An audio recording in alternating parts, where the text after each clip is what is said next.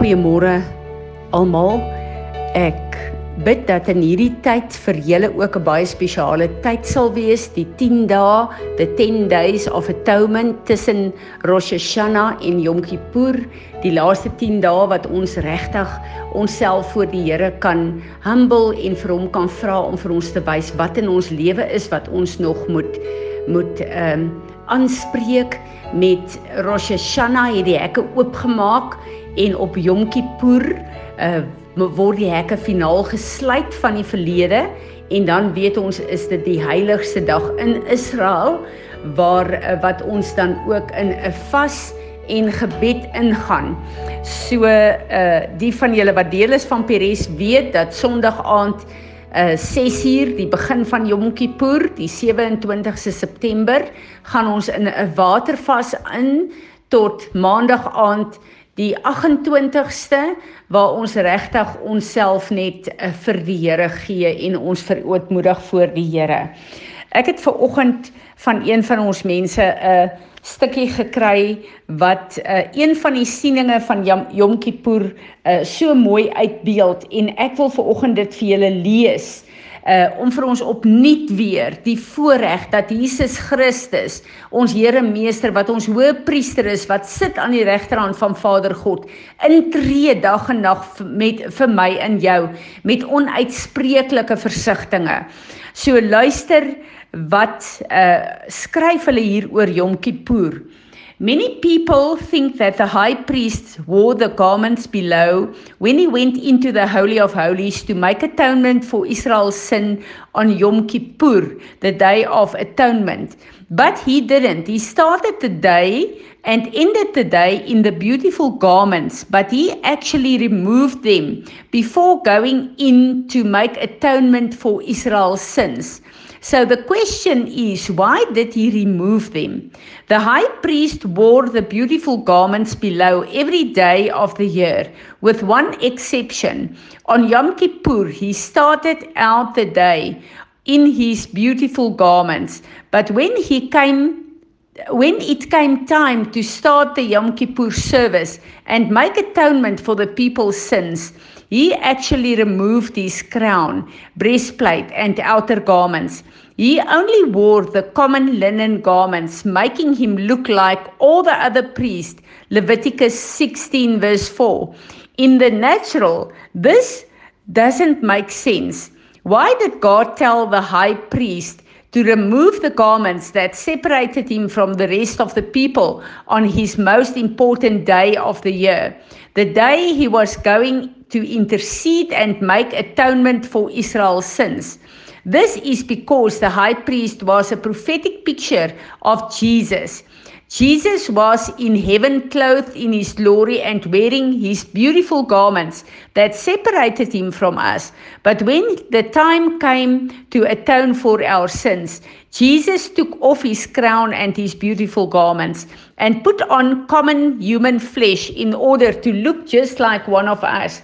He came he became one of us so that he could atone and intercede for us. He humbled himself in order to sprinkle his blood on heaven's mercy seat on our behalf. But there is more.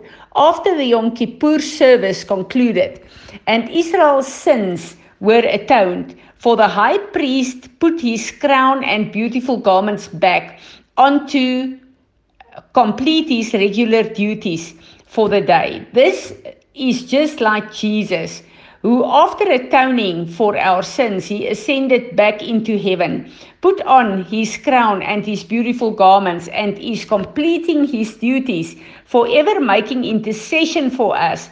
Hebrews 7, verse 24 to 26. Praise, honor, and glory to Jesus. Is dit nie absoluut so awesome om te besef dat hy sit op hierdie oomblik aan die regterhand van Vader God waar hy besig is om in te tree vir my en vir jou nie en dat hy daar sal bly totdat sy taak afgehandel is En wanneer ons kyk na die manier wat hy vir my en jou kom vergifnis doen, hy sit self aan die regterhand van Vader. Wie is hy? Hy is ons verlosser. Hy's die een wat die prys betaal het vir my en vir jou. So hoe tree hy in voor ons Vader?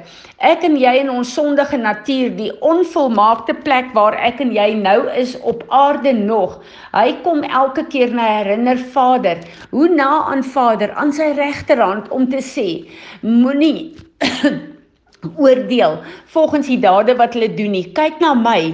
Kyk na uh, die plek wat ek kom inneem het. Ek kom en ek doen verzoening vir daardie vergeere goed. Vergewe asseblief. So Jesus, ons Heer en ons Meester, is besig om dag en nag vir my en jou in te tree by ons Vader. Daar is soveel sonde wat ek en jy doen in gedagtes, in dade wat ek wat ons nie eers van bewus is nie omdat ons in hierdie gevalle staat is in hierdie wêreld wat onder die heerskappy, die wêreldstelsel wat onder die heerskappy van die vyand is. Ons is nie eens bewus van alles wat ons skei van God nie.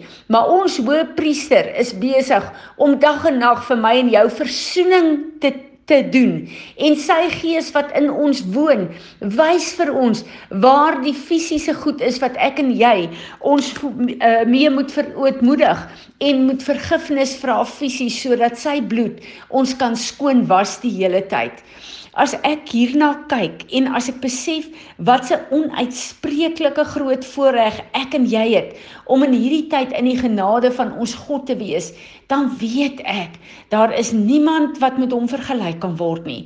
En ek en jy word geklee met hom in die gees, want hy is die een wat vir ons die volle prys afgehandel het. En totdat hy ons kom haal met die wegraping, gaan hy nie sy plek van aan die regterkant van ons Vader los nie, want dit is waar hy vir ons intersessie doen. Wat 'n groot voorreg is dit nie vir my en vir jou nie. Ek bid vir my, ek bid vir jou vir hierdie laaste paar dae na Yom Kippur toe dat die Here ons die heeltyd bewus sal hou dat ons in 'n tyd is waar ons in sy teenwoordigheid lewe en wandel meer as ooit tevore. En in hierdie belangrike tyd wat ons weet, ons is besig met 'n rehearsal vir die ewigheid. Kom ek bid vir ons. Vader, dis met 'n heilige onsag wat ek ver oggend buig in aanbidding, met 'n hart wat oorloop van dankbaarheid. Wat wil sê, Here, daar is niemand wat met U vergelyk kan word nie. Sonder U is ons niks en is ons verlore. Here Jesus, ons gryp U opnuut vas. Ons wil kom saamstem met die intersessie wat U doen op hierdie oomblik aan die regterhand van Vader God vir ons elkeen. Ons wil vir U dankie sê dat U U lewe neergelê het, dat U U bloed uitgestort het vir ons elkeen, dat U die perfekte offer is in ons Vader se teenwoordigheid nog steeds vir ons alles wat ons nodig het, het U kom volbring. En ons wil vir U baie baie dankie sê. Ons kom stem saam met die intersessie wat U vir ons doen. Ons bid Gees van God dat U ons voetstappe sal rig in hierdie tyd, dat U ons sal help, Here, om versigtig maar in oorwinning hierdie pad te loop. Ek bid dat U verheerlik sal word in en deur ons elkeen. Amen.